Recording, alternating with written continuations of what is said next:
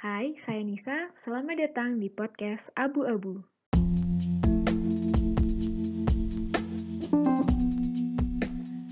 Kata kunci positif untuk warna abu-abu antara lain konservatif, bermartabat, netral, tidak memihak, profesional, dewasa, cerdas, klasik, solid, stabil, menenangkan, menyayangi, elegan, formal, dan dapat diandalkan.